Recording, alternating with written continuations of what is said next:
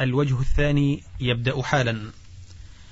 ثم اشتد البلاء من قريش على من قدم من مهاجر الحبشة وغيرهم وسطت بهم عشائرهم ولقوا منهم أذى شديدا فأذن لهم رسول الله صلى الله عليه وسلم في الخروج إلى أرض الحبشة مرة ثانية وكان خروجهم الثاني أشق عليهم وأصعب ولقوا من قريش تعنيفا شديدا. ونالوهم بالأذى وصعب عليهم ما بلغهم عن النجاشي من حسن جواره لهم. وكان عدة من خرج في هذه المرة ثلاثة وثمانين رجلا. إن كان فيهم عمار بن ياسر فإنه يشك فيه. قاله ابن إسحاق ومن النساء تسع عشرة امرأة قلت قد ذكر في هذه الهجرة الثانية عثمان بن عفان وجماعة ممن شهد بدرا. فإما أن يكون هذا وهما وإما أن يكون لهم قدمة أخرى قبل بدر. فيكون لهم ثلاث قدمات قبل الهجرة وقبل بدر وعام خيبر. ولذلك قال ابن سعد وغيره إنهم لما سمعوا مهاجر رسول الله صلى الله عليه وسلم إلى المدينة رجع منهم ثلاثة وثلاثون رجلا. ومن النساء ثمان نسوة فمات منهم رجلان بمكة وحبس بمكة سبعة وشهد بدرا منهم أربعة وعشرون رجلا. فلما كان شهر ربيع الأول سنة سبع من هجرة رسول الله صلى الله عليه وسلم إلى المدينة كتب رسول الله صلى الله عليه وسلم كتابا إلى النجاشي يدعوه إلى الإسلام. وبعث به مع عمرو بن أمية الضمري فلما قرئ عليه الكتاب أسلم وقال لئن قدرت أن آتيه لآتينه. وكتب إليه أن يزوجه أم حبيبة بنت أبي سفيان وكانت في من هاجر إلى أرض الحبشة مع زوجها عبيد الله بن جحش فتنصر هناك ومات فزوجه النجاشي إياها. وأصدقها عنه أربعمائة دينار. وكان الذي ولي تزويجها خالد بن سعيد بن العاص. وكتب إليه رسول الله صلى الله عليه وسلم أن يبعث إليه من بقي عنده من أصحابه ويحملهم. ففعل وحملهم في سفينتين مع عمرو بن أمية الضمري. فقدموا على رسول الله صلى الله عليه وسلم بخيبر فوجدوه قد فتحها. فكلم رسول الله صلى الله عليه وسلم المسلمين أن يدخلوهم في سهامهم ففعلوا. وعلى هذا فيزول الإشكال الذي بين حديث ابن مسعود وزيد بن أرقم ويكون ابن مسعود قدم في المرة الوسطى بعد الهجرة قبل بدر إلى المدينة وسلم عليه حينئذ. وكان العهد حديثا بتحريم الكلام كما قال زيد بن أرقم ويكون تحريم الكلام بالمدينة لا بمكة وهذا أنسب بالنسخ الذي وقع في الصلاة والتغيير بعد الهجرة كجعلها أربعا بعد أن كانت ركعتين ووجوب الاجتماع لها. فإن قيل ما أحسنه من جمع وأثبته لولا أن محمد بن إسحاق قد قال ما حكيتم عنه أن ابن مسعود أقام بمكة بعد رجوعه من الحبشة حتى هاجر إلى المدينة وشهد بدرا وهذا يدفع ما ذكر. قيل إن كان محمد بن إسحاق قد قال هذا فقد قال محمد بن سعد في طبقاته إن ابن مسعود مكث يسيرا بعد مقدمه ثم رجع إلى أرض الحبشة وهذا هو الأظهر لأن ابن مسعود لم يكن له بمكة من يحميه وما حكاه ابن سعد قد تضمن زيادة أمر خفي على ابن إسحاق. وابن إسحاق لم يذكر من حدثه ومحمد بن سعد أسند ما حكاه إلى المطلب ابن عبد الله ابن حنطب فاتفقت الأحاديث وصدق بعضها بعضا وزال عنها الإشكال. ولله الحمد والمنة. وقد ذكر ابن إسحاق في هذه الهجرة إلى الحبشة أبا موسى الأشعري عبد الله بن قيس وقد أنكر عليه ذلك أهل السير منهم محمد بن عمر الواقدي وغيره وقالوا كيف يخفى ذلك على ابن إسحاق أو على من دونه؟ قلت وليس ذلك مما يخفى على من دون محمد بن إسحاق فضلا عنه وإنما نشأ الوهم أن أبا موسى هاجر من اليمن إلى أرض الحبشة إلى عند جعفر وأصحابه لما سمع بهم. ثم قدم معهم إلى رسول الله صلى الله عليه وسلم بخيبر كما جاء مصرحا به في الصحيح. فعد ذلك ابن إسحاق لأبي موسى هجرة ولم يقل إنه هاجر من مكة إلى أرض الحبشة لينكر عليه. فصل فانحاز المهاجرون إلى مملكة أصحمة النجاشي آمنين. فلما علمت قريش بذلك بعثت في أثرهم عبد الله ابن أبي ربيعة وعمر بن العاص بهدايا وتحف من بلدهم إلى النجاشي ليردهم عليهم فأبى ذلك عليهم وشفعوا إليه بعظماء بطارقته فلم يجبهم إلى ما طلبوا فوشوا إليه أن هؤلاء يقولون في عيسى قولا عظيما يقولون إنه عبد الله فاستدعى المهاجرين إلى مجلسه ومقدمهم جعفر بن أبي طالب. فلما أرادوا الدخول عليه قال جعفر يستأذن عليك حزب الله. فقال للآذن قل له يعيد استئذانه فأعاده عليه. فلما دخلوا عليه قال ما تقولون في عيسى؟ فتلا عليه جعفر صدرا من سورة كاف ها يا عين صاد. فأخذ النجاشي عودا من الأرض فقال ما زيد ما زاد عيسى على هذا ولا هذا العود. فتناخرت بطارقته عنده فقال وإن نخرتم؟ قال اذهبوا فأنتم سيوم بأرضي. من سبكم غرم والسيوم الآمنون في لسانهم. ثم قال للرسولين لو أعطيتموني دبرا من ذهب يقول جبلا من ذهب ما أسلمتهم إليكما. ثم أمر فردت عليهما هداياهما ورجع ورجعا مقبوحين. فصل ثم أسلم حمزة عمه وجماعة كثيرون وفشى الإسلام فلما رأت قريش أمر رسول الله صلى الله عليه وسلم يعلو والأمور تتزايد أجمعوا على أن يتعاقدوا على بني هاشم وبني عبد المطلب وبني عبد مناف ألا يبايعوهم ولا يناكحوهم ولا يكلموهم ولا يجالسوهم حتى يسلموا إليهم رسول الله صلى الله عليه وسلم. وكتبوا بذلك صحيفة وعلقوها في سقف الكعبة. يقال كتبها منصور بن عكرمة ابن عامر ابن هاشم. ويقال النضر بن الحارث والصحيح أنه بغيض بن عامر ابن هاشم. فدعا عليه رسول الله صلى الله عليه وسلم فشلت يده فانحاز بنو هاشم وبنو المطلب مؤمنهم وكافرهم إلا أبا لهب فإنه ظاهر قريشا على رسول الله صلى الله عليه, صلى الله عليه وسلم وبني هاشم وبني المطلب وحبس رسول الله صلى الله عليه وسلم ومن معه في الشعب شعب أبي طالب ليلة هلال المحرم سنة سبع من البعثة وعلقت الصحيفة في جوف الكعبة وبقوا محبوسين ومحصورين مضيقا عليهم جدا مقطوعا عنهم الميرة والمادة نحو ثلاث سنين حتى بلغهم الجهد وسمع أصوات صبيانهم بالبكاء من وراء الشعب. وهناك عمل أبو طالب قصيدته اللامية المشهورة أولها جزى الله عنا عبد شمس ونوفلا عقوبة شر عاجلا غير آجل. وكانت قريش في ذلك بين راض وكاره فسعى في نقض الصحيفة من كان كارها لها. وكان القائم بذلك هشام بن عمرو بن الحارث بن حبيب بن نصر بن مالك. مشى في ذلك إلى المطعم بن عدي وجماعة من قريش فأجابوه إلى ذلك ثم أطلع الله رسوله على أمر صحيفتهم وأنه أرسل عليها الأرضة فأكلت جميع ما فيها من جور وقطيعة وظلم إلا ذكر الله عز وجل. فأخبر بذلك عمه فخرج إلى قريش فأخبرهم أن ابن أخيه قد قال كذا وكذا. فإن كان كاذبا خلينا بينكم وبينه وإن كان صادقا رجعتم عن قطيعتنا وظلمنا.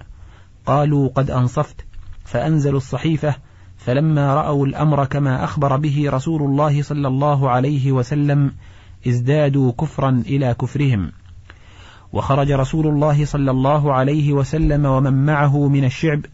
قال ابن عبد البر بعد عشرة أعوام من المبعث.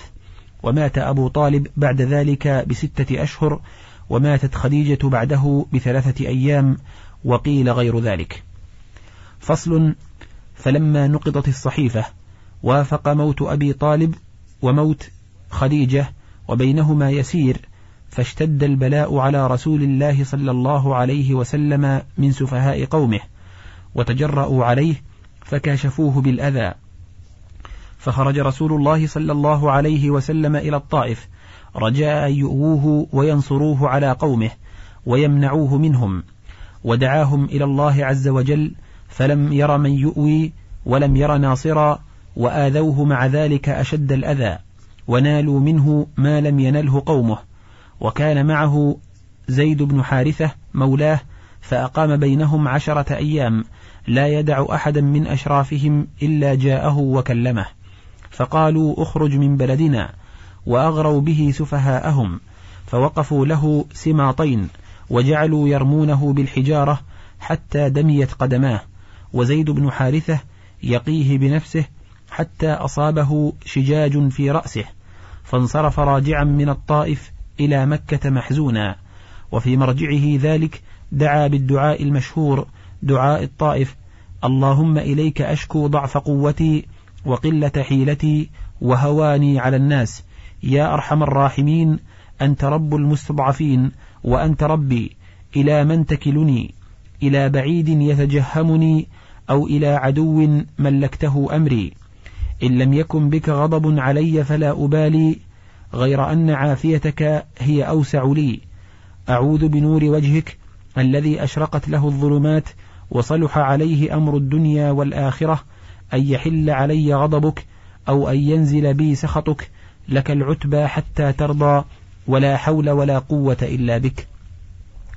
فأرسل ربه تبارك وتعالى إليه ملك الجبال يستأمره أن يطبق الأخشبين على أهل مكة وهما جبلاها اللذان هي بينهما.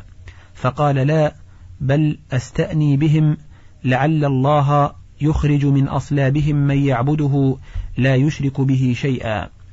فلما نزل بنخلة مرجعه قام يصلي من الليل فصرف إليه نفر من الجن فاستمعوا قراءته ولم يشعر بهم رسول الله صلى الله عليه وسلم حتى نزل عليه وإذ صرفنا إليك نفرا من الجن يستمعون القرآن فلما حضروه قالوا أنصتوا فلما قضي ولوا إلى قومهم منذرين قالوا يا قومنا إنا سمعنا كتابا أنزل من بعد موسى مصدقا لما بين يديه يهدي إلى الحق وإلى طريق مستقيم يا قومنا أجيبوا داعي الله وآمنوا به يغفر لكم من ذنوبكم ويجركم من عذاب أليم ومن لا يجب داعي الله فليس بمعجز في الأرض وليس له من دونه أولياء أولئك في ضلال مبين.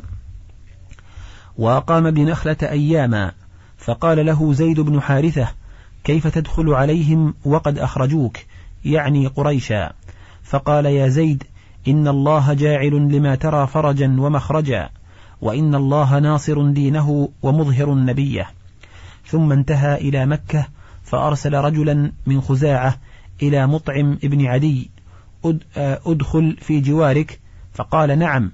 ودعا بنيه وقومه فقال البسوا السلاح وكونوا عند أركان البيت فإني قد أجرت محمدا. فدخل رسول الله صلى الله عليه وسلم. ومعه زيد بن حارثة حتى انتهى إلى المسجد الحرام فقام المطعم بن عدي على راحلته فنادى يا معشر قريش إني قد أجرت محمدا فلا يهجه أحد منكم. فانتهى رسول الله صلى الله عليه وسلم إلى الركن فاستلمه وصلى ركعتين وانصرف إلى بيته والمطعم بن عدي وولده محدقون به بالسلاح حتى دخل بيته. فصل ثم أسري برسول الله صلى الله عليه وسلم بجسده على الصحيح من المسجد الحرام إلى بيت المقدس راكبا على البراق. صحبة جبريل عليهما الصلاة والسلام. فنزل هناك وصلى بالأنبياء إماما وربط البراق بحلقة باب المسجد. وقد قيل إنه نزل ببيت لحم وصلى فيه ولم يصح ذلك عنه البتة. ثم عرج به تلك الليلة من بيت المقدس إلى السماء الدنيا فاستفتح له جبريل ففتح له فرأى هنالك آدم أبا البشر فسلم عليه فرد عليه السلام ورحب به وأقر بنبوته وأراه الله أرواح السعداء عن يمينه وأرواح الأشقياء عن يساره ثم عرج به إلى السماء الثانية فاستفتح له فرأى فيها يحيى بن زكريا وعيسى بن مريم فلقيهما وسلم عليهما فرد عليه ورحبا به وأقر بنبوته ثم عرج به إلى السماء الثالثة فرأى فيها يوسف فسلم عليه فرد عليه ورحب به وأقر بنبوته ثم عرج به إلى السماء الرابعة فرأى فيها إدريس فسلم عليه ورحب به وأقر بنبوته ثم عرج به إلى السماء الخامسة فرأى فيها هارون ابن عمران فسلم عليه ورحب به وأقر بنبوته ثم عرج به إلى السماء السادسة فلقي فيها موسى بن عمران فسلم عليه ورحب به وأقر بنبوته فلما جاوزه بكى موسى فقيل له ما يبكيك؟ فقال أبكي لأن غلاما بعث من بعدي يدخل الجنة من أمته أكثر مما يدخلها من أمتي ثم عرج به إلى السماء السابعة فلقي فيها إبراهيم فسلم عليه ورحب به وأقر بنبوته ثم رفع إلى سدرة المنتهى ثم ثم رفع له البيت المعمور ثم عرج به إلى الجبار جل جلاله فدنا منه حتى كان قاب قوسين أو أدنى فأوحى إلى عبده ما أوحى وفرض عليه خمسين صلاة فرجع حتى مر على موسى فقال له بما أمرت؟ قال بخمسين صلاة. قال إن أمتك لا تطيق ذلك ارجع إلى ربك فاسأله التخفيف لأمتك. فالتفت إلى جبريل كأنه يستشيره في ذلك فأشار أن نعم إن شئت. فعلى به جبريل حتى أتى به الجبار تبارك وتعالى وهو في مكانه. هذا لفظ البخاري في بعض الطرق فوضع عنه عشرا ثم أنزل حتى مر بموسى فأخبره فقال ارجع إلى ربك فاسأله التخفيف. فلم يزل يتردد بين موسى وبين الله عز وجل حتى جعلها خمسا. فأمره موسى بالرجوع وسؤال التخفيف فقال قد استحييت من ربي ولكن أرضى وأسلم فلما بعد نادى مناد قد أمضيت فريضتي وخففت عن عبادي. واختلف الصحابة هل رأى ربه تلك الليلة أم لا. فصح عن ابن عباس أنه رأى ربه وصح عنه أنه قال رآه بفؤاده.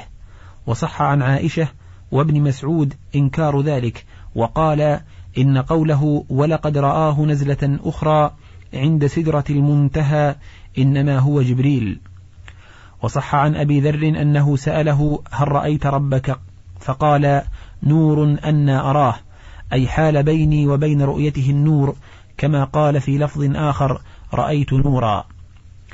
وقد حكى عثمان بن سعيد الدارمي اتفاق الصحابة على أنه لم يره. قال شيخ الإسلام ابن تيمية قدس الله روحه وليس قول ابن عباس إنه رآه مناقضا لهذا ولا قوله رآه بفؤاده.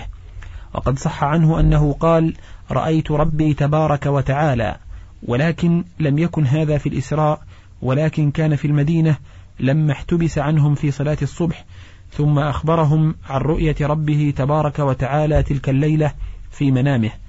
وعلى هذا بنى الإمام أحمد رحمه الله تعالى وقال نعم رآه حقا فإن رؤيا الأنبياء حق ولا بد ولكن لم يقل أحمد رحمه الله تعالى إنه رآه بعيني رأسه يقظة. ومن حكى عنه ذلك فقد وهم عليه ولكن قال مرة رآه ومرة قال رآه بفؤاده فحكيت عنه روايتان وحكيت عنه الثالثة من تصرف بعض أصحابه أنه رآه بعيني رأسه وهذه نصوص أحمد موجودة ليس فيها ذلك. وأما قول ابن عباس إنه رآه بفؤاده مرتين فإن كان استناده إلى قوله تعالى ما كذب الفؤاد ما رأى ثم قال ولقد رآه نزلة أخرى والظاهر أنه مستنده فقد صح عنه صلى الله عليه وسلم أن هذا المرئي جبريل رآه مرتين في صورته التي خلق عليها. وقول ابن عباس هذا هو مستند الإمام أحمد في قوله رآه بفؤاده والله أعلم. وأما قوله تعالى في سورة النجم ثم دنا فتدلى فهو غير الدنو والتدلي في قصة الإسراء.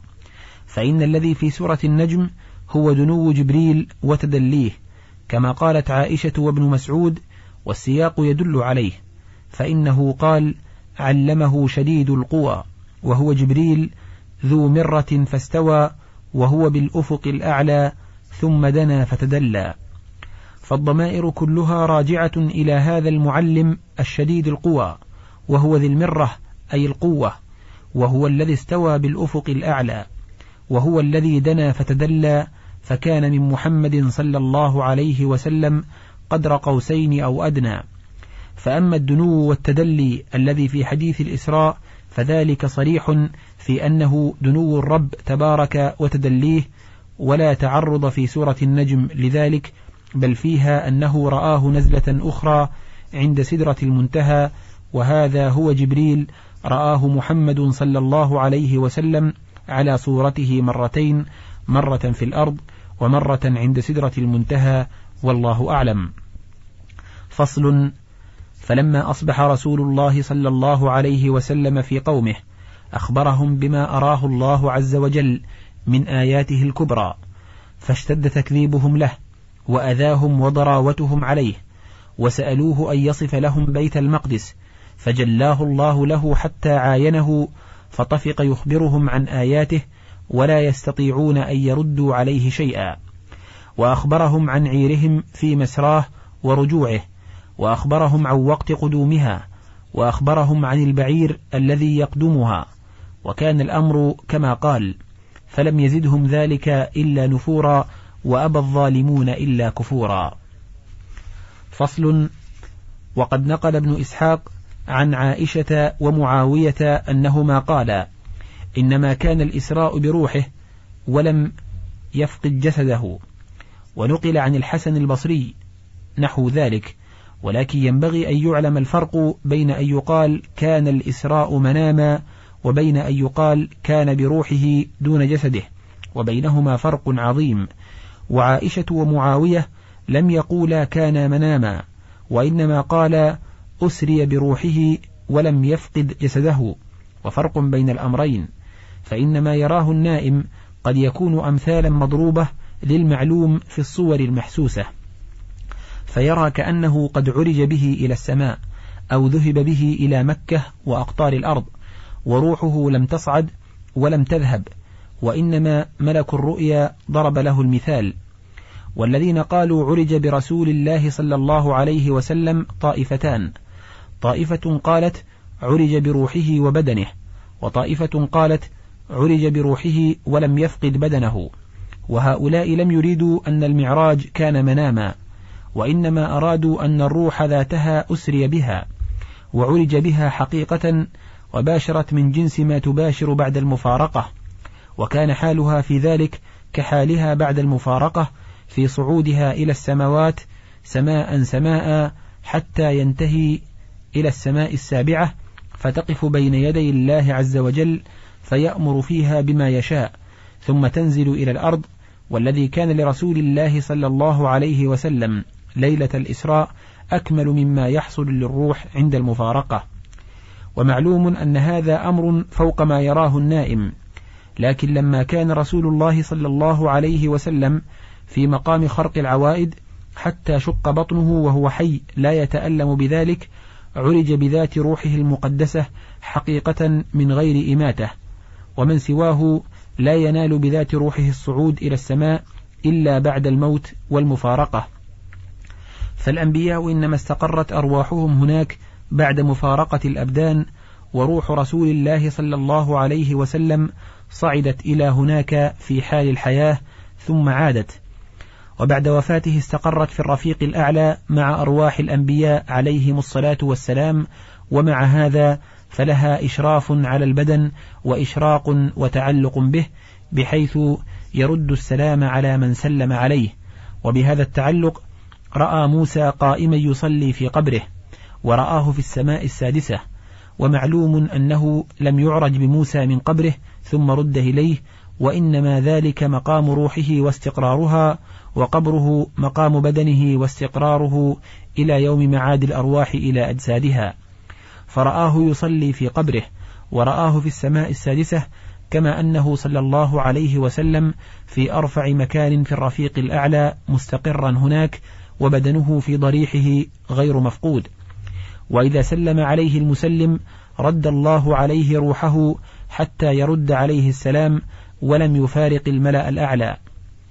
ومن كثف إدراكه وغلظت طباعه عن إدراك هذا فلينظر إلى الشمس في علو محلها وتعلقها وتأثيرها في الأرض وحياة النبات والحيوان بها هذا وشأن الروح فوق هذا فلها شأن وللأبدان شأن وهذه النار تكون في محلها وحرارتها تؤثر في الجسد البعيد عنها مع أن الارتباط والتعلق الذي بين الروح والبدن أقوى وأكمل من ذلك وأتم.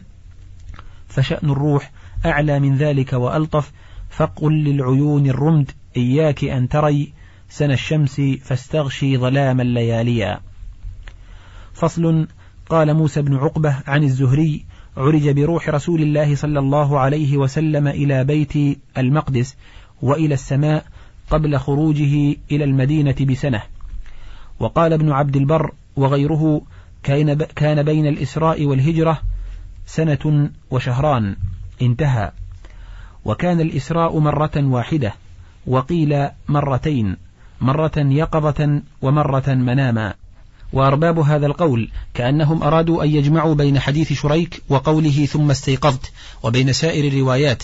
ومنهم من قال بن كان هذا مرتين مرة قبل الوحي لقوله في حديث شريك وذلك قبل أن يوحى إليه ومرة بعد الوحي كما دلت عليه سائر الأحاديث.